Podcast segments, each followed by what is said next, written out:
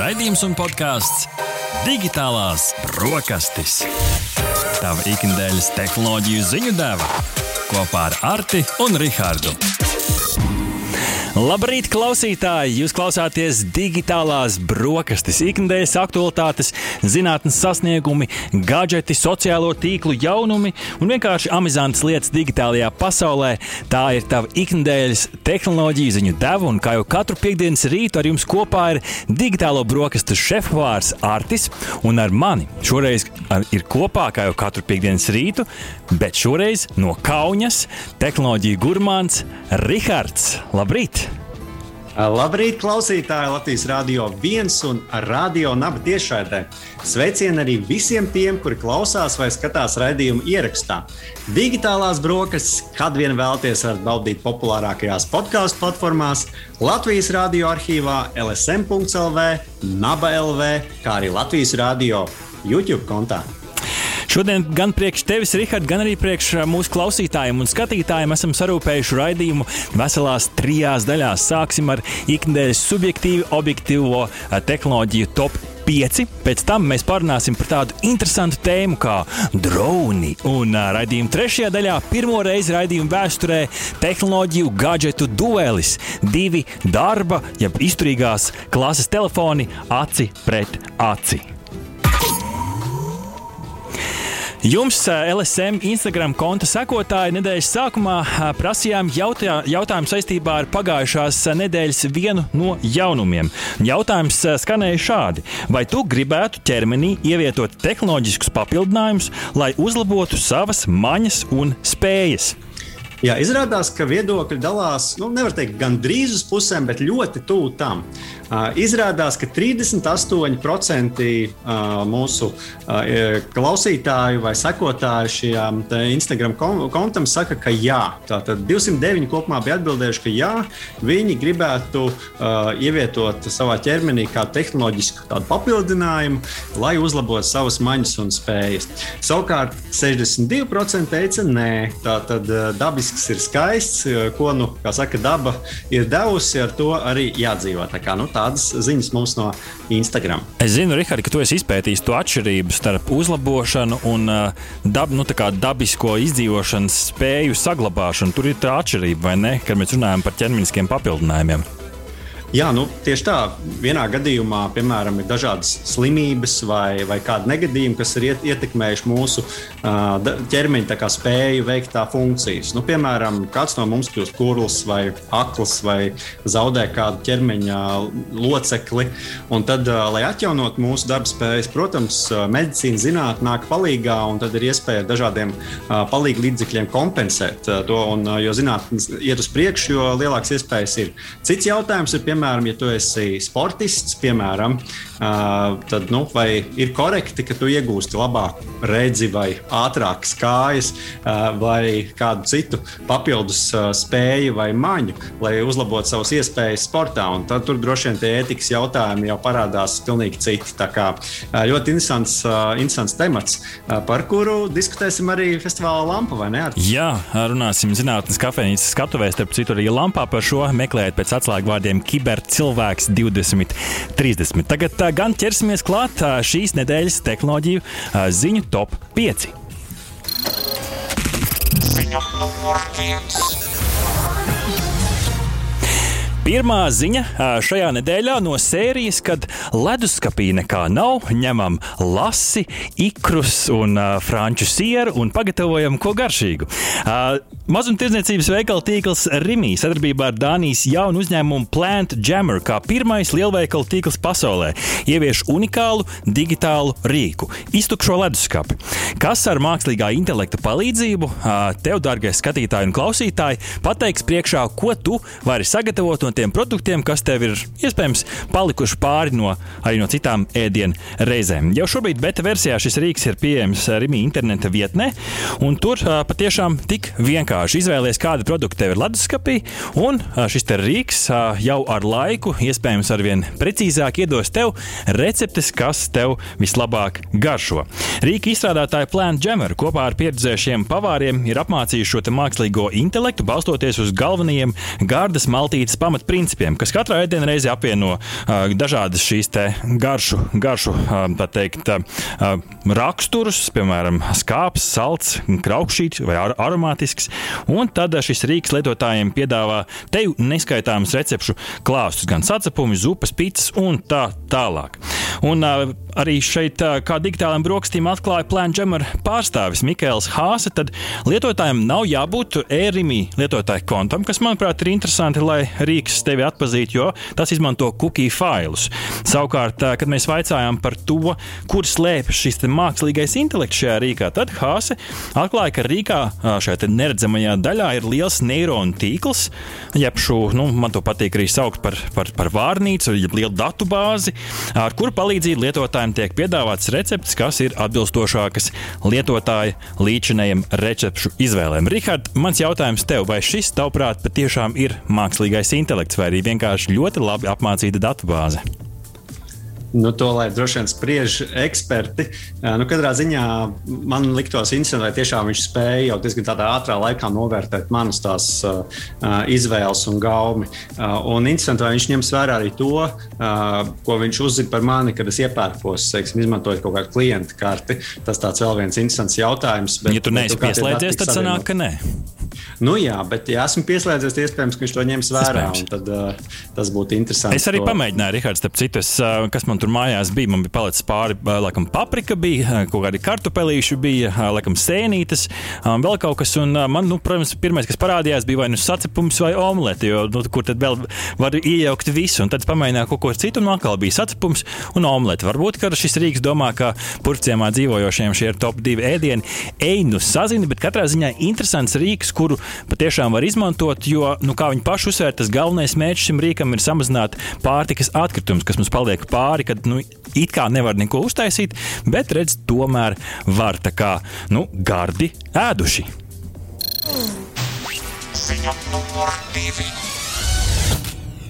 Pārceļamies uz Ķīnu.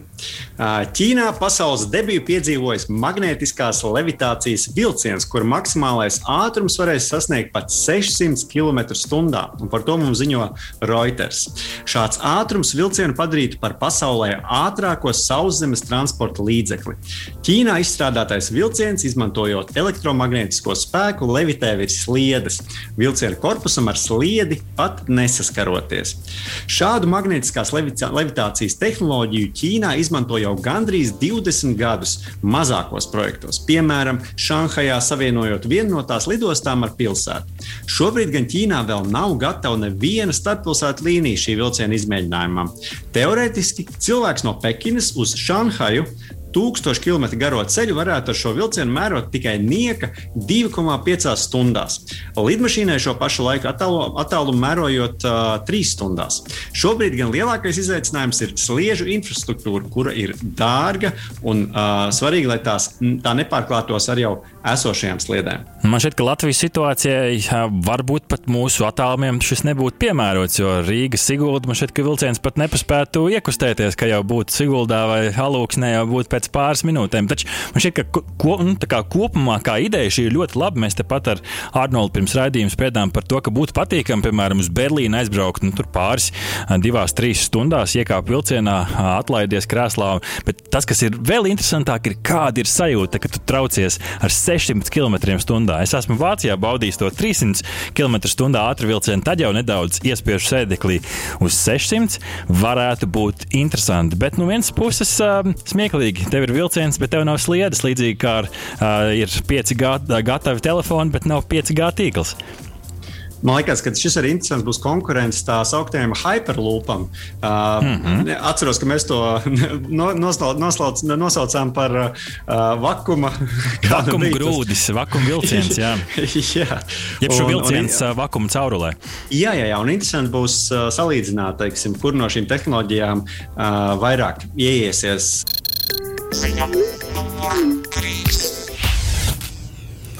Elektroautomobīļu ražotājs Tesla ir uzsācis piedāvāt saviem klientiem pilnīgi pašbraucošo automašīnas servisu.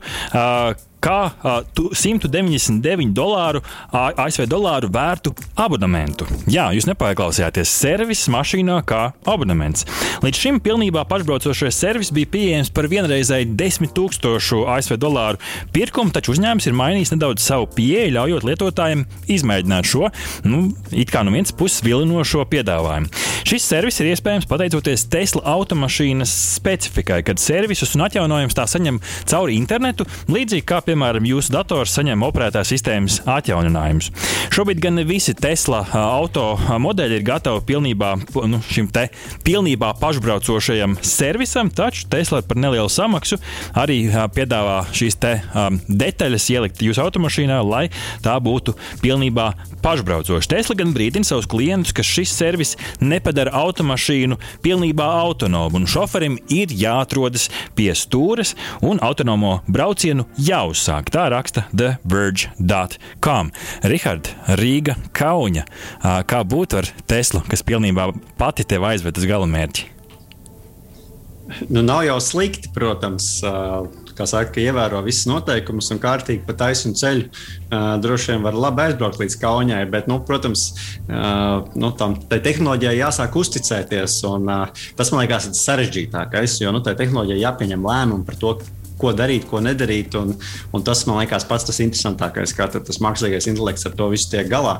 Nu, jautājums, vai uh, es pamanīju, ka Lietuvā ir nedaudz cita braukšanas kultūra nekā Latvijā. Tā kā interesanti, vai arī mākslīgais intelekts to ņemtu vērā, uh, pārvietojoties no, no latviešu autoceļiem, Latvijas autoceļiem uz, uz Lietuvas autoceļiem. Tas, kas man interesē, ir Latvijas kontekstā, vai mašīna vispār spēt pa mūsu, nu, saukšu maigi raibajiem ceļiem arī pati izbraukāt, ņemot vērā, ka baltās līnijas nevienmēr ir abās ceļa pusēs, vai iespējams tikai pa vidu.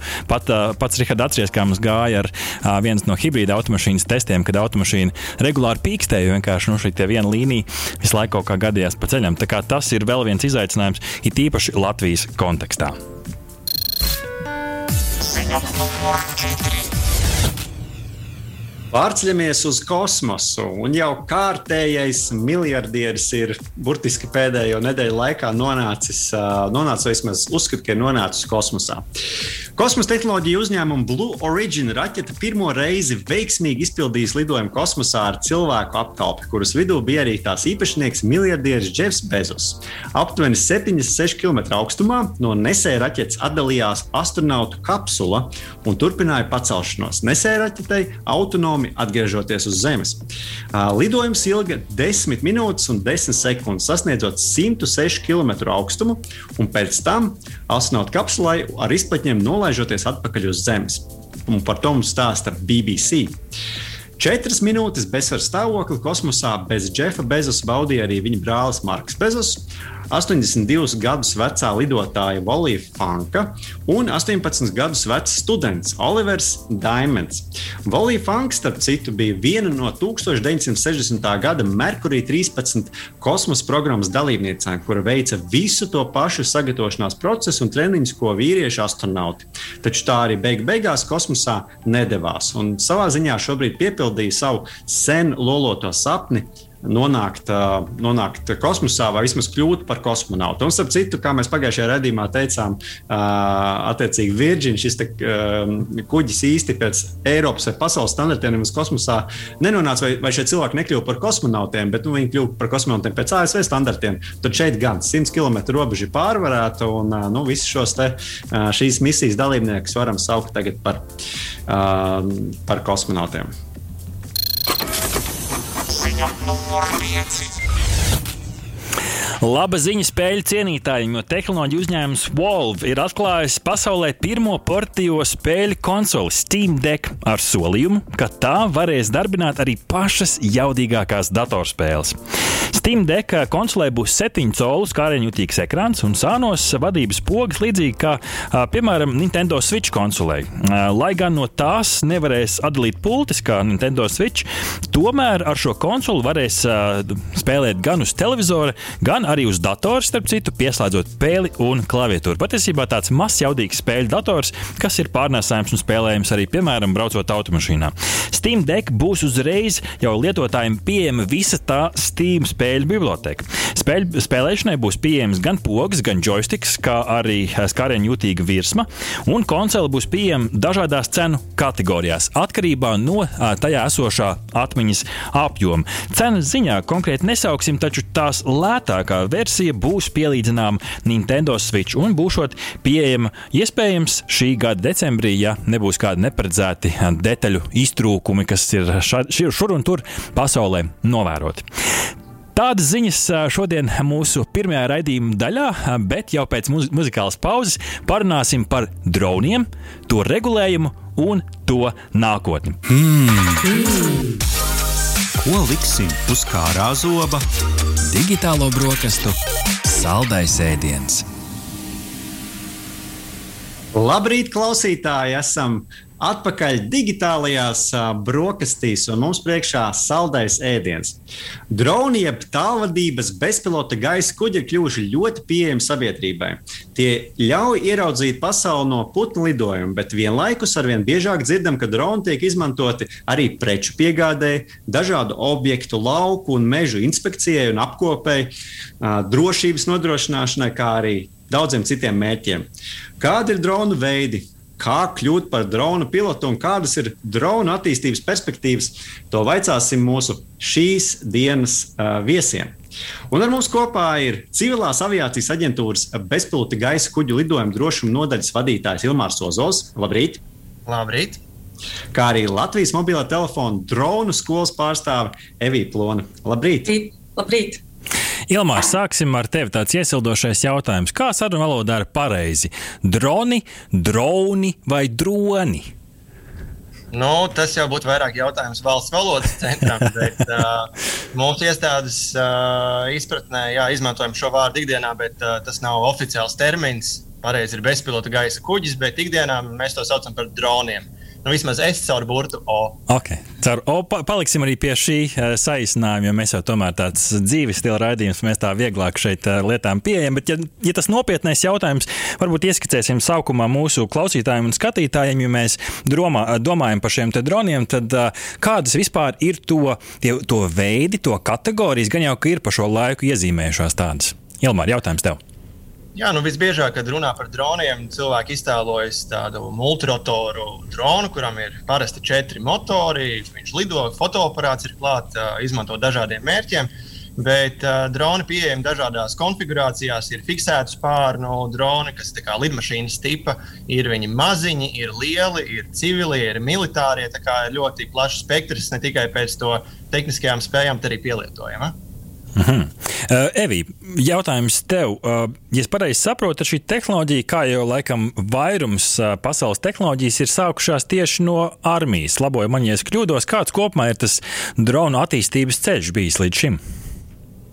Jā, Jums ir pilnīgi taisnība. Uh, drons dzimis un attīstījies kā tehnoloģija tieši šajā militārajā vidē, bet, nu, ejot uz priekšu kopējam tehnoloģiju, attīstības uh, ātrumam, šī tehnoloģija ir kļuvusi pieejama arī šajā civilajā sektorā. Un tad uh, dotajā brīdī es pat teiktu, ka. Uh, um, Militārais sektors izaicina šo civilo sektoru, jo tur šīs ten, uh, lietas ir krietni, krietni tālāk un, un, un daudz pamatīgāk attīstījušās. Un, un līdz ar to rādot šos gala rezultātus, demonstrējot un, un civiliem sektoram apjaušot tās iespējas, tas, protams, rada šo papildus dzinuli, saprast, kas tas ir, kas tam lācītam vēdrā un kā attiecīgi šo te, militāro tehnoloģiju mēs varam iedzīvināt arī mūsu ikdienā. Mēs, starp citu, kaut kādu laiku atpakaļ Rihards stāstījām ziņās, ka armijā ir jauns, nu, varētu teikt, jauna vakance dronu bateriju pienesējs, ka tā esot problēma kaujas laukā, ka viņi izlādējās un tad esot jāuzlādē, tāpēc kaut kur gan jau, ka citos krastos pēt iespēju dažādas mobilās uzlādes stacijas pārvadāt, bet jā, nu, armijas tehnoloģijas noteikti pārsteidz, vai ne, Rihards? Jā, tieši tā. Un, ja mēs to dronu tagad nosēdinām te Latvijā, Ilmā gribēja jautāt, cik tad Latvijā ir reģistrēti droni un kādiem mērķiem tie tiek izmantoti pie mums? Jā, uz doto brīdi nav jāreģistrē droni kā iekārtas, ir jāreģistrējas dronu lietotājiem. gan juridiskām, gan fiziskām personām. Uh, šobrīd ir reģistrējušies ap 2000 šādu uh, lietotāju, eksploatantu. Uh, sistēmā mums ir ap 4000 bijuši, nu, pārējie nav vēl pieregistrējušies oficiāli. Un, attiecīgi, ir tādas divas lomas. Ir lietotājs un ir uh, tālrunis pils, tas, kurš fiziski arī viņu vada. Parasti, kad mēs esam vienkārši persona, mēs esam abas šīs lomas vienā, un tad, attiecīgi, reģistrējas šis lietotājs, un tad tālrunis piltam ir jākārto vēl papildus pārbaudījumi. Div, div, divi tūkstoši. Tas ir priekš Latvijas daudz vai maz? Es teiktu, ka mums noteikti ir krietni vairāk lietotāju, un tas ir uh, laika jautājums, kamēr, uh, kamēr visi, visi, visi apzināsies, būs apzināti, un, uh, un, un tas skaits noteikti pieaugs. Evī, varbūt uh, pajautāšu, kādiem mērķiem Latvijā izmanto tos dronus, uh, nu, teiksim, sākot no izklaides, iespējams, vai nu, tādas video uzņemšanas mājas apstākļos, un beidzot varbūt ar kaut kādu industriālu pielietojumu kam tad mēs viņus šeit Latvijā izmantojam? Jau sarunas ievadā patiesībā tika uzskaitīti vairāk šie veidi un jomas, kur dronas diezgan plaši izmanto, bet nu, pamatā jāatcerās, ka drons ir transporta līdzeklis. Un, tā lieta, kas viņam iedod vērtību, ir šī liederīgā krāva, ko mēs viņam piestiprinām. Vai tā ir kamera, vai tas ir minerāla mēsls smidzinātājs lauksaimniecībā, vai tā ir vērtīga paciņa, lai mēs nogādātu kādam noteiktam klientam. Respektīvi, tās iespējas ir diezgan plašas, un es teiktu, ka nosaucot konkrētas jomas, es noteikti kādu no jomām apdalīšu viņu nepieminot pielietojuma spektrs ļoti, ļoti, ļoti plašs. Atkarīgs no vajadzības un šī ten, uh, ekonomiskās vērtības, jeb kā mēs ieraugam šo liederīgumu, izmantot tieši šo tehnoloģiju tieši kaut kādā noteiktā situācijā. Mm -hmm. Mēs pirms raidījuma papētījām cenas. Mēs šeit nevaram varbūt saukt konkrētus ražotājus un konkrētas cenas, bet nu, tādās cenu kategorijās runājot un palabojot pēc tam, ja, ja mēs kaut kur esam nošāvuši greizi, bet nu, tā līdz aptuveni 300 eiro tādi vairāk mēs nu, sauksim par droniem izmēģināšanai, kas varbūt ne, nebūs izcila stabila, varbūt ne izcila kamera, bet iesākumam būs labi. Tad kaut kur 300 līdz 500 jau viņiem atgriešanās, šis mehānisms jau labāk izstrādāts, jau kaut kāds algoritms, jau varbūt labāka, labāka kvalitāte un arī stabilāks ārtelpās. 500 līdz 1000 tur jau pievienojās sensori, kuri palīdz izvairīties jau no šķēršļiem, varbūt jau pat, jau pat seko līdzi. Nu, un virs 1000 tur jau profesionālāki droni ar 4K kameru un tam līdzīgi. Ilmār mēs trāpījām plus mīnus vai, vai, vai ir vēl kaut kas, kas, kas ir, nu, vēl, vēl kāda kategorija, kur mēs palaidām garām? Nē, nu, es domāju, tas, kas ir pieejams uh, internetā, diezgan precīzi esat pateikuši, bet tur jau labāk droši vien Evija varētu no savas puses nokomentēt. Evī, kas varbūt ir tie parametri, kam jāpievērš uzmanība, ja gribās iegādāties dronu, kas labi uzfilmēs un arī varbūt neieskries pirmajā kokā? Mm. Es eh, kā pirmo jautājumu uzdotu, kādam mērķim es viņu gribētu izmantot. Droši vien tas būtu atslēga jautājums. Un tad, izējot no tā, es aicinātu nepakautrēties un pakonsultēties pie ekspertiem. Jo, protams, ka mēs, mums varbūt mēs novērtējam tos izdevumus, nu, tur tie pāris simti vai tas 1200. Nu, kā, priekš manis ir ok, summa, es pamēģināšu, paskatīšos. Bet uh, sākotnēji jau skaidri saprotot, kam es viņu gribu izmantot. Un, uh, ejot mērķiecīgi uz šo konkrēto rezultātu, es domāju, ka noteikti var ietaupīt naudu. Sākotnēji jau varbūt nopērkot ne tik dārgu, varbūt ar lētāku, mēs varam izdarīt ļoti konkrētas lietas.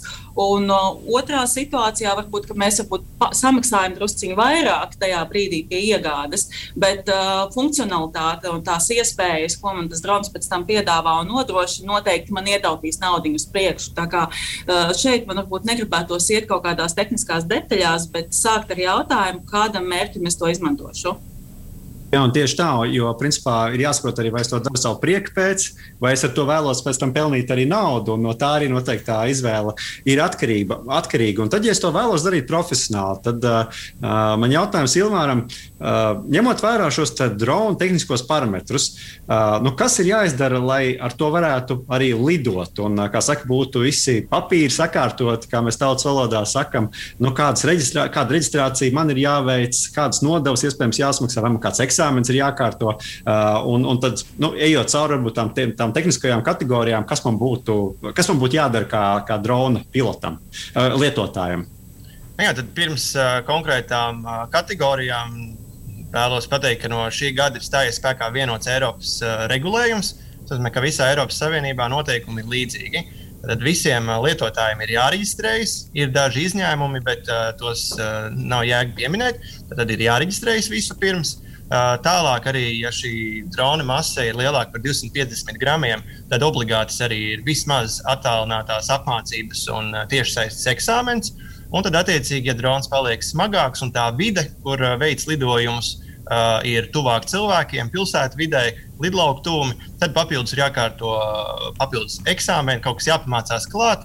Un uh, tādi pamata ierobežojumi, kas ir jāņem vērā, regulējums ir iedalīts divās kategorijās. Ir atvērtā kategorija un specifiskā kategorija. Un tad uh, atvērtajai kategorijai būtiskākās lietas, kas jāievēro, tātad reģistrācija, uh, apmācības, uh, pēc tam jāievēro lidojuma augstums, kas nepārsniedz 120 metri. Uh, un jāskatās kartē, kur ir noteikti kādi īpaši ierobežojumi vai aizliegumi. Jo ir dažādi objekti, kur tūmā ir papildus kaut kas jāsaskaņo, vai arī nu, atvērtajai kategorijai lietotājiem parastajiem uh, tur lidot nemaz nav atļauts. Tas ir jāizsako. Un tāpat noteikti arī jāievēro ir, uh, cilvēku tiesības uz privātumu. Un, uh, tas ir atsevišķs temats, uh, par ko, par ko jāpaturprātā, ka veicot nevainīgu lidojumu ar dronu apkārtējiem, tu vari radīt iespēju, ka tu viņu izsako un, un, un, un veic kaut kādas ļaunprātīgas darbības. Kaut arī tu pavisam nevainīgi vēlies nofotografēt sevi vai savu īpašumu. Tas tās galvenās lietas, kas ir jāievēro, un tad arī, tad arī viss ir kārtībā. Ja savukārt ir nepieciešamība atkāpties no kādas šīs prasības, tad ir jākārto jau eksploatācijas atļauja pie mums aģentūrā. Tad ir jāsakārto sev dokumentācija, jāmācās papildus zināšanas, jāizstrādā procedūras, varbūt jāaprīko drons ar kaut kādu īpašu aprīkojumu, bet uh, tad jau tas ir cits stāsts, un uh, tad tajā pasākumā ir jāiedziļinās nedaudz vairāk. Un uh, runājot par tām tehniskām prasībām un kategorijām, tad, tad uh, viena kategorija varētu būt tie, kas, tie droni, kas ir zem 250 gramiem. Te ir jāpaturprātā, ka bieži vien ir mīts, ka tās visas ir rotaļlietas un uz tiem neatiecas nekāds regulējums, bet tā nav. Uh, arī šie vieglie droni uh, ir droni. Arī to lietotājiem ir jāreģistrējas un jāveic kaut kādas darbības. Tad uh, nākamais punkts uh, pārejas periodā ir 2 kg.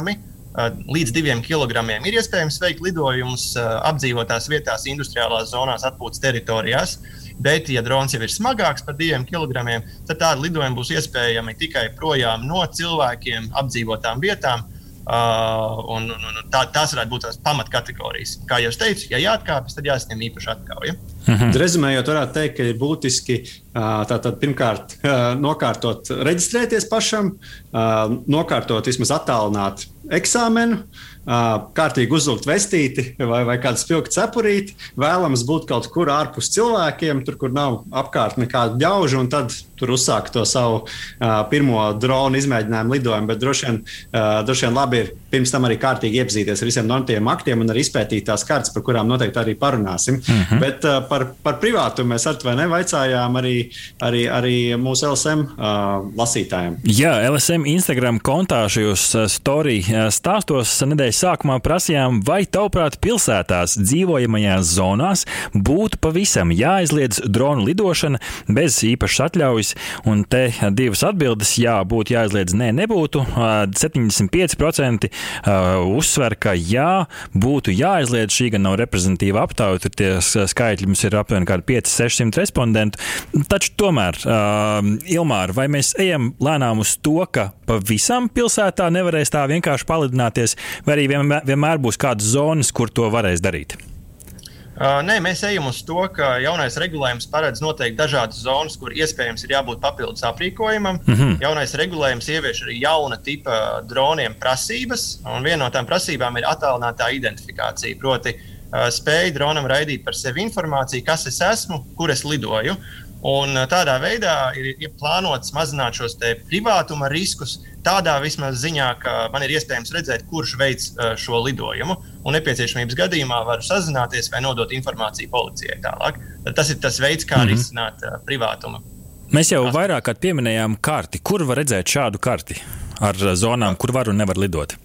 Jā, tādu karti ir sagatavojusi Latvijas gaisa satiksme. Mm -hmm. Tā ir organizācija, kas atbild par to, kur lido lidmašīnas gaisā, citi gaisa kuģi. Uh, tātad mājaslapa ir airspace.lv, slīpsvītra drones. Un tur ir uh, iespējams apskatīties jā, šos ierobežojumus gan gaisa telpā, kur ir aviācijas aktivitātes, gan arī ap objektiem, kas ir uz Zemes.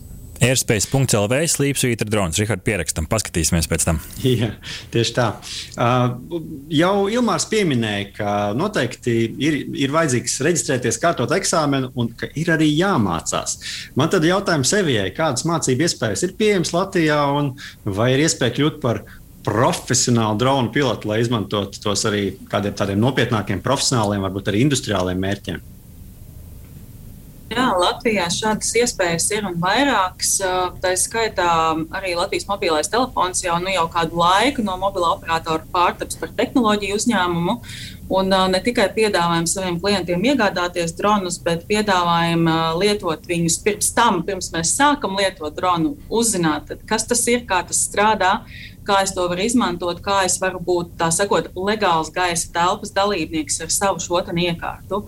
Uh, Piedāvājam arī ir citas mācību iestādes, kur šīs apmācības piedāvā, un arī uh, šis apmācību ilgums ir dažāds. Ir iespēja apgūt tikai pamatzināšanas, uh, kas ir pietiekams, lai uzsāktu drona pilotēšanu, un tālāk, ja jau interesē kaut kas uh, padziļināti, uh, um, kļūt par uh, labu foto, uh, video operatoru un tā tālāk, ir iespējams attiecīgi ņemt šos papildus kursus, papildus moduļus un uh, iegūt dziļākas un pamatīgas zināšanas šajā drona pasaulē. Un vai tā vispār ir perspektīva profesija kļūt par dronu pilotu? Mm, starp citu, dotajā brīdī profesiju klasifikatorā jau ir ierakstīta šī profesija. Tā kā ne tikai nākotne, tā jau ir šodiena. Vai būs darba sludinājumi kā drona pilots? Potenciāli jā, bet atceramies atkal un atkal, ka tas ir transporta līdzeklis fotogrāfs, kas izmanto fotokameru, var izmantot šo fotokameru, viņu pievienojot dronam. Līdz ar to uh, droši vien, ka būs arī vakances uz dronu pilotiem, uh, bet tās noteikti būs papildus kompetences, papildus iemaņas, uh, ja kādu laiku atpakaļ. Uh, tapu šie ten, uh, datoru kursi, vai kā mēs viņus saucam. Šodien jau katrs saprot, ka šīs datoru iemaņas mums ļoti noder mūsu ikdienas profesionālajās gaitās. Tad es pieņemu un paredzu, ka arī šīs iemaņas darbā ar dronu varētu būt kā papildus lieta, kas iedod mums vienkārši paplašina mūsu kvalifikāciju darba tirgu. Mm -hmm. uh, Ilmāra, nākamais jautājums saskana ar vienu no mūsu uh, skatītāju, klausītāju jautājumiem LSM Instagram stāstījis. Un šeit uh, Elvis mums Instagramā uh, prasa, vai Latvijā esošie uzņēmumi pievērsīsies FPV droniem, jeb šo droni, kurus uh, uzvelc brilles un jau redzi to konkrēto lidošanas ceļu un var jau uh, līdzīgi kā video spēlē jau vadīt, uh, vai, vai, šī, vai šī ir kaut kāda tāda niša, kas Latvijā attīstās arvien plašāk? Kādi ir tev novērojumi? Tā noteikti ir niša, kas attīstās arvien plašāk. Es domāju, tam par iemeslu ir fakts, ka ražotāji, tā skaitā arī lielākie ražotāji pasaulē, sāk piedāvāt tirgu par pieejamām cenām šādus dronus. Tas ir viens no pielietojumiem. Jā, jo var sajusties kā putns, var, var, var, var sacīksties, tas azarts kaut kāds. Bet, uh, Vai Latvijā tieši ražotāji tam pievērsīsies? Man ir ļoti grūti pateikt, tādēļ, ka drona tirgus vispār pasaulē ir mm -hmm. tāds ļoti uz nišām vērsts. Un, ja tu neesi ļoti, ļoti liels, tad tur ir diezgan grūti izsisties. Tā kā man ir grūti pateikt, bet kāpēc ne? Mm -hmm. Evī, pēdējais jautājums tev no mūsu skatītājiem, klausītājiem. Raimis prasa, cik ticama ir situācija, ka ar paštaisītiem droniem nebūs ļauts lidot? Vai vispār drīkst ar tādu paštaisītu lidaparātu tagad lidināties apkārt? Man jāsaka, Ilmārs teica iepriekš, šis jautājums droši vien vairāk ir Ilmāram. Bet uh, tie paši FPV droni, kā mēs zinām, ir pašbūvēti droni. Protams, tur ir noteikts protokols un kārtība, kā šie droni top, bet uh, tie noteikti ir vieni no droniem. Un uh, varbūt vēl papildinot Ilmāru, manuprāt, šie FPV droni ir uh, burvīgi iespēja kā jaunatni iesaistīt, ieinteresēt un iepazīstināt ar šo tehnoloģiju, jo tur ir burvīgs šis ten, uh, gaming elements trends, kas ļoti, ļoti pavalk šo jauno paudzi. Es domāju, ka tas ir eh, ļoti labs eh, veids, kā mēs jaunatni vienkārši virzam pareizajā virzienā. Jā, man papildinot Eviju, protams, kā aģentūras pārstāvim, jāsaka, ka gaming elementiem vienmēr blakus nāk riski. Tādēļ jāpatur prātā pamatnosacījumi, kas jāievēro lidot eh, drošā vidē. Un attiecībā par pašbūvētiem droniem ir tā, ka līdz 23. gadam tie ierobežojumi ir mazāki. Pēc 23. gada ir jārēķinās, ka šobrīd jau regulējums paredz, ka pašbūvētos dronus drīkstēt lidināt uh, tādus, kas ir līdz 250 gramiem. vai arī tad tie būs jālidina tālu prom no cilvēkiem apdzīvotām vietām, tālu prom no visiem. Bet tā ka, tā, ka viņi vispār tiktu aizliegti, nu, vismaz pagaidām šādas indikācijas nav. Mums pusminūte palikusi. Jā, tāpēc pēdējais jautājums ātri Ilmāram. Viens klausītājs raksta, drons lidinās visu laiku virs galvas. Vai drīkst notriekt svešu dronu, ja tas lido virs mana privātā īpašuma? Pavisam īsi atbild, lūdzu. Īsti nē, tas ir tāpat kā man nepatīk, ka cilvēks staigā gar manu, gar manu īpašumu, vai es drīkstu ar lāpstu viņam iesist. Nu, Nē. Mums gaida interesanti nākotne. Tātad no tādās 2D pārvietošanās pa mūsu pilsētām iespējams jau pārvietosimies 3D vidē. Tur ir daudz interesantu jautājumu, ko noteikti arī nākamajos raidījumos vēl varam pārunāt. Bet šobrīd teikšu lielu paldies Civilās aviācijas aģentūras bezpilota lidojuma dro, drošuma nodaļas vadītājiem Ilmāram Ozolam un arī Latvijas mobilā telefona drona skolas pārstāvēja Evijai Plonē par jūsu laiku un piedalīšanos un atbildēm uz arī mūsu uh, klausītāju un skatītāju jautājumiem. Paldies, ka pievienojāties mums šajā rītā. Laiks palutināt savas tehnoloģiju garšas kārpiņas ar ko īpašu.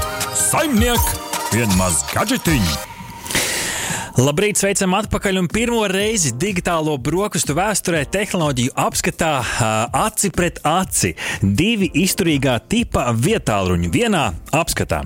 Šodien apskatīsim Samsung Galaxy X Cover 5, 21. gada sākumā iznācis, un Cat S42H Plus vietālunis, kas iznāca 20. gada augustā. Un beigās pavisam maz piezīme arī par Cat B40 podziņu tālruni. Tas gan ārpus mūsu kopējā apskata, jo tas pēc parametriem vienkārši vienkārši nav īsti salīdzināms. Samsung neatmaksātam un neatkarīgam apskatam mums sagādāja Samsung Electronics Baltics, savukārt CAT telefons to pārstāvja Baltijā TCCM. Rihard, Sāksim ar tevi un sāksim ar pirmo kategoriju. Izskats un korpus. Tu testēji Samsung, es testēju CAT uh, telefonu. Kāds ir izskats un korpus Samsungam?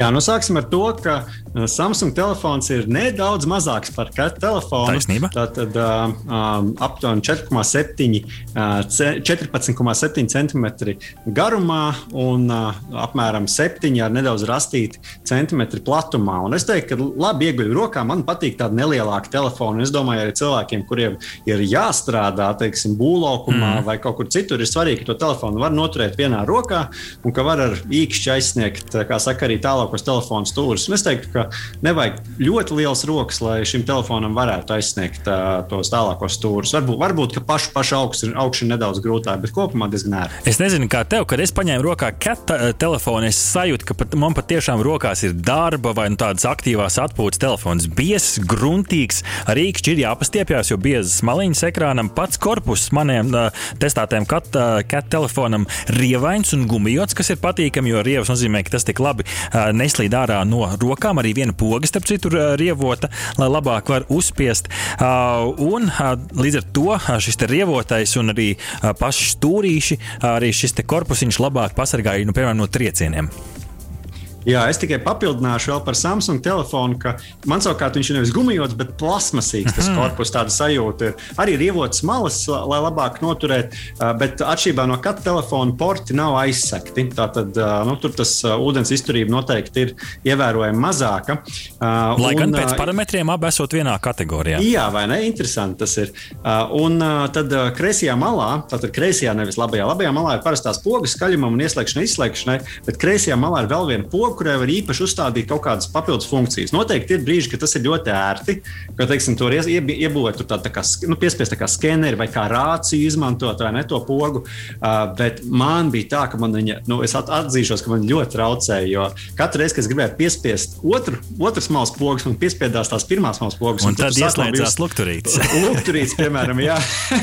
un tad es konstanti biju ieslēgts lukturītes telefonam. Tā kā tur bija jāpiešaujās. Arī ieliekot kaut kādā statīvā, uzreiz tās pogas pogas mēdz piespiesties a, a, a, abas divas reizes. Kā nu, vai nu ir jānoņem funkcionalitāte nost vispār, vai arī tiešām jāpiešaujas. Tas bija kaut kas, kas man nedaudz traucē. Bet, ja mēs tā paskatāmies, tad ir tas skatu telefons ir tāds rītīgi robusts. Šis mm -hmm. ir kaut kas pa vidu mm -hmm. starp tādu klasisko telefonu un to robusto telefonu. Kā jau minēju, ja mēs skatāmies uz kategoriju ekrāns, tad uh, ekrāns tikai 5,5 colas, jo ļoti biezas maliņas, kā Rihards ir, vai visiem drošajiem telefoniem, arī tavējiem ir mazs ekrāns. Nu, man bija 5,3 colas. Mm -hmm, un, un, principā, jā, var teikt, ka, ka vēl mazāks. Un, uh, citu, tas ir tikai par kripatiņu lielāks nekā iepriekšējās paudzes telefoniem. Tur bija 5 colas, uh, un tagad ir 5,3. Tā kā acīm redzot, uh, tas ekrāna izmērs nav tas izšķirošais, ja mēs runājam par tādiem darba telefoniem. Ja mēs paskatāmies uz spožumu, cat telefonam, tas spožums tāds vidējs. Vai ārā varēs patiešām pastrādāt ar to nu, kaut kādos ļoti spožos apstākļos, diez vai uh, konkurencē, nu šajā darba telefona konkurencē vienīgi spožāks ekrāns ir Gigaset uh, GX290 Latvijā var dabūt, bet nu, nav ļoti izplatīts. Uh, nav arī HD ekrāns, tikai 720p. Uh, kā, Rihard, tev ar šo ekrānu krāsainību un spožumu? Samsung pilnīgi, pie, pilnīgi piekrītu, ka Samsungam tā situācija ir ļoti līdzīga.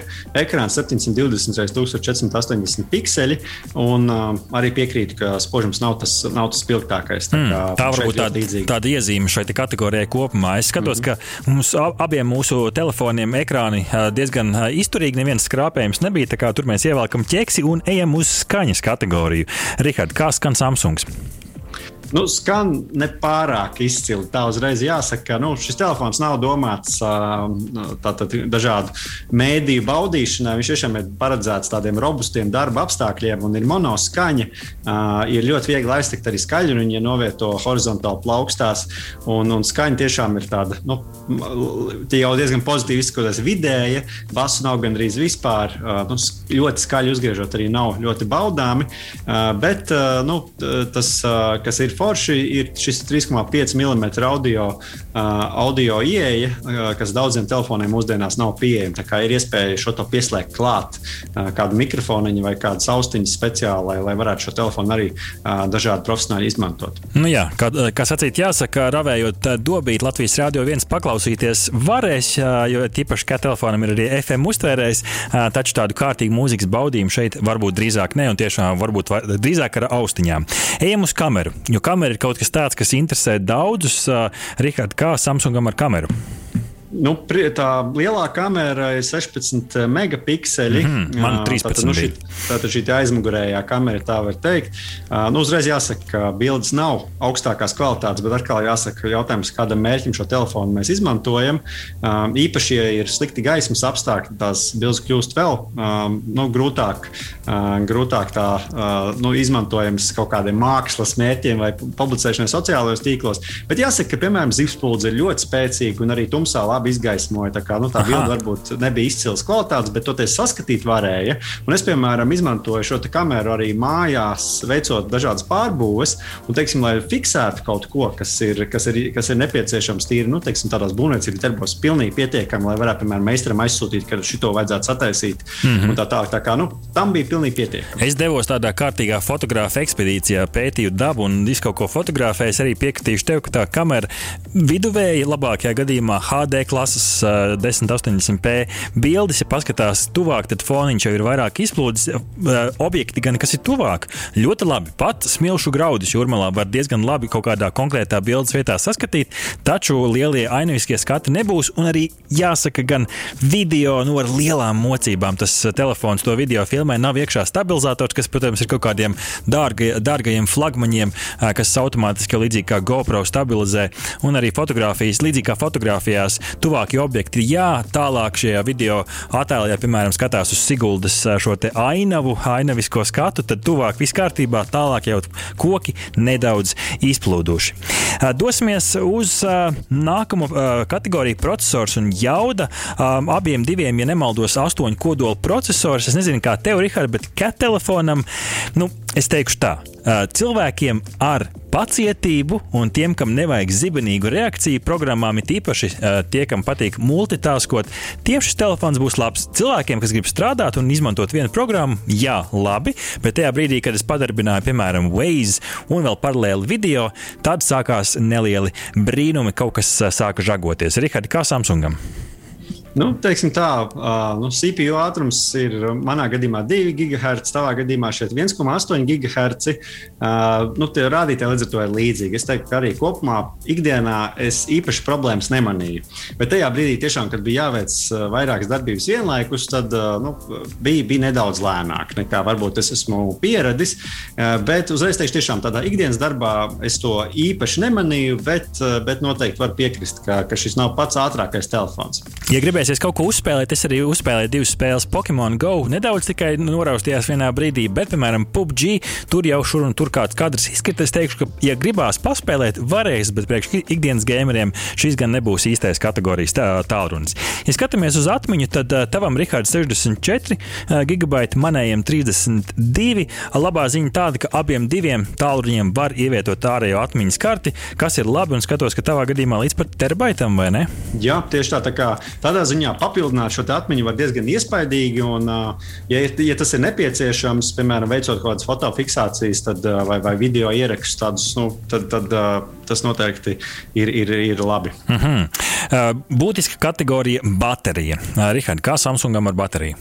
Nu, redz, šeit ir ļoti interesanta situācija. Baterija varbūt nav pat lielākā, 3000 uh, mAh, bet uh, ir, šis akumulators ir maināms. Mēs atceramies vēl tos laikus, kad telefoniem varēja nomainīt baterijas. Kad krita zemē un viss izjūta pa detaļām. Jā, jā, jā, bet šeit uh, turās kopā tīri labi, uh, bet varēja nomainīt, var nomainīt bateriju. Tas ir tiešām ļoti labi, ja, piemēram, nezinu, jūs kāpjat kalnos nedēļu no vietas, un tur tā ar to elektrību nevar zināt, kad, kad būs kas pieejams. Nu, tad paņemam līdzi tādu bateriju vairāk komplektu uzlādēt un varat, varat tik pa laikam nomainīt. Vai arī, piemēram, ja jūs esat uh, policists, piemēram, un jums ir jā, jādodas kaut kur, un jūs jūtat, ka baterija iet uz beigām, un nevarat lādēt tajos apstākļos, kur jūs esat, nomainīt bateriju un turpināt savu darbu. Jā, attiecībā uz baterijas ilgumu es teiktu, ka intensīvi lietojot vienu dienu var izvilkt. Man šķiet, ka arī tavējiem pēc stundām tur tā izskatās. Nu, ja lietot tā taupīgi un pat izslēdz Wi-Fi un citus mobilos datus, tad varbūt pat divas vai pat nu, divas ar pus dienas, bet tas jau pie, pie tādiem taupīgiem apstākļiem. Paskatīsimies, Rihard, uz plusiem un mīnusiem. Sāksim ar tevi. Plus un mīnus pavisam ātri no tavas puses - galvenās lietas. Jā, nu tā tad uh, es domāju, ka galvenais pluss ir tas, ka uh, tiešām šim telefonam viņš ir pie, piemērots darbam. Tātad instanti viņu ir uzlādēti arī speciālās doksacijās, tā kā varam salikt vairākus telefonus kopā. Uh, viņš strādā ar cimdiem, tātad ir īpaši jūtīgs ekrāns, var uh, ar cimdiem darboties. Un tas noteikti arī vairākām profesijām, piemēram, ārstiem vai tiem pašiem būvniekiem, varētu būt uh, būtiski. Ir arī atbalsts Microsoft Teams rācijas funkcijai, ir no, nu, tāds pamatīgs lukturī brītis, kas ir forši. Un, um, un, attiecīgi, uh, šis, šim telefonam ir šī nomaināmā baterija, kas noteikti, uh, noteikti daudziem uh, palīdzēs. Tā kā tiešām tādam darbam īpaši piemērots. Un vēl viena neliela lieta, ko es gribu izcelt, ir īpaši drošums. Tātad dati tiek īpaši aizsargāti. Tātad, uh, to var izmantot arī tādos gadījumos, kur uzņēmumiem ir īpašas prasības pēc šīs datu drošības. Uh, trīs lietas uh, no manas puses. Uh, sāksim ar mīnusiem. Pirmais mīnus - mikro USB savienojums. Es nezinu, kur vēl tādus vispār veiklā var būt. Gan jau, ka var nopirkt, bet nu visi iet uz Type-C. Tas ir mīnus numur viens. Mīnus uh, numur divi. Uh, šis telefons, uh, viņam nav biometriskā autentifikācija, tā kā ar Face ID ielogoties nevarēs, piemēram, internetbankā. Un mīnus numur trīs, galvenais mīnus, kas man nokaitināja pašā sākumā - Android 10 operētā sistēma. Solīja 11. man tā arī neatnāca. Tā kā, nu, tas kaut kādas ierobežojumus uzliek tīpaši uz jaunākajām programmām. Toties ir arī pāris patīkami plusi. Savienojuma vietas patiešām ir nosaktas, bet nu, tā, ka tur nekas ūdens garā garām neiet. Mazgājama antibakteriāla virsma, kas ir šis H, īpaši apstrādāta virsma, lai nu, nosacītu baktērijas nepaliek uz tās, bet to var mazgāt zem, zem krāna ūdens.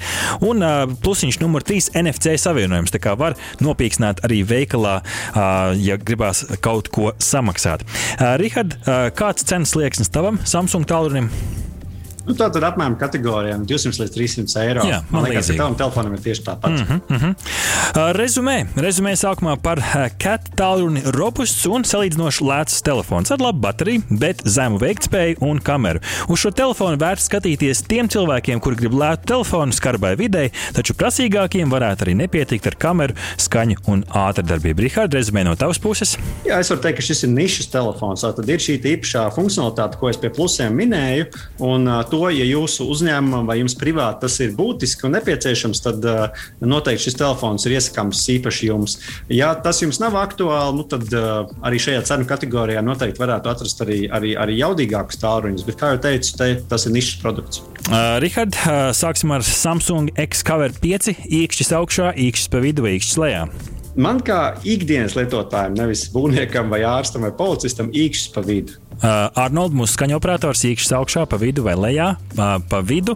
Es laikam piekritīšu gan par tevis aprakstīto, gan arī par manis aprakstīto. Ja mēs skatāmies uz to, kā uz ikdienas tālruni, ja mēs aizvietojam uh, šo te telefonu ar kādu iespējams jaudīgāku, tad laikam īkšķis pa vidu. Bet no manas puses, ja tas telefons vajadzīgs tiešām darbam un skarbiem apstākļiem, tad īkšķis nu, nedaudz pāri viduscītim, īkšķis gandrīz augšā. Es domāju, ka mēs šādi arī varētu iedalīt Ja mēs liekam uh, ikdienas lietošanai pa vidu, ja specifiskiem apstākļiem, tad gandrīz augšā. Uh, pavisam ātri mums bija arī B40 podziņa telefons testā. To testē mums jaunākais komandas biedrs Elmārs Ozoliņš. Uh, plusi lielas pogas, jo tiešām podziņa tālrunis izturīgs un, uda, un arī ūdens izturīgs korpus, kas ir patīkami. Ļoti spožs lukturs esot bijis, tā kā var arī iespējams naktas darbos kaut kur izmantot kāds apsargs, piemēram, un laba zvana kvalitāte. Varēja labi sadzirdēt mīnusi, ļoti slikta foto un video kameru, ko var gaidīt no podziņa tālruņa. No vienas puses, slikts skaņrunis, nu, lielāka attāluma var arī nesadzirdēt, kad kāds zvana.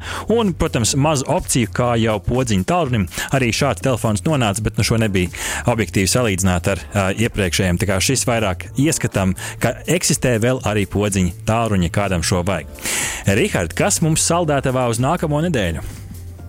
Jā, patiesi, klausītāji, esiet kopā mums arī pēc nedēļas, kad kā ierasts iepazīstināsim jūs ar tehnoloģiju jaunumiem, kā arī intervijā ar ekspertiem noskaidrosim, kā tiek nodrošināta omisko spēļu tiešais translācija un kādas tehnoloģijas to palīdz nodrošināt. Un varbūt arī būs kāds gadget apskats. Paldies, ka bijāt kopā ar mums! Mūzikas redaktors Girds Bišs, pie režijas pults Arnolds Auziņš, raidījumu veidoja radionāba autori Artis Ozoliņš un Rihards Blēses speciāli Latvijas Radio 1. Tu klausījies digitālās brokastis. Katru piekdienu no 10 līdz 11. Arī podkāstu formātā, populārākajās platformās. Digitālās brokastis. Tava ikdienas tehnoloģiju ziņu deva.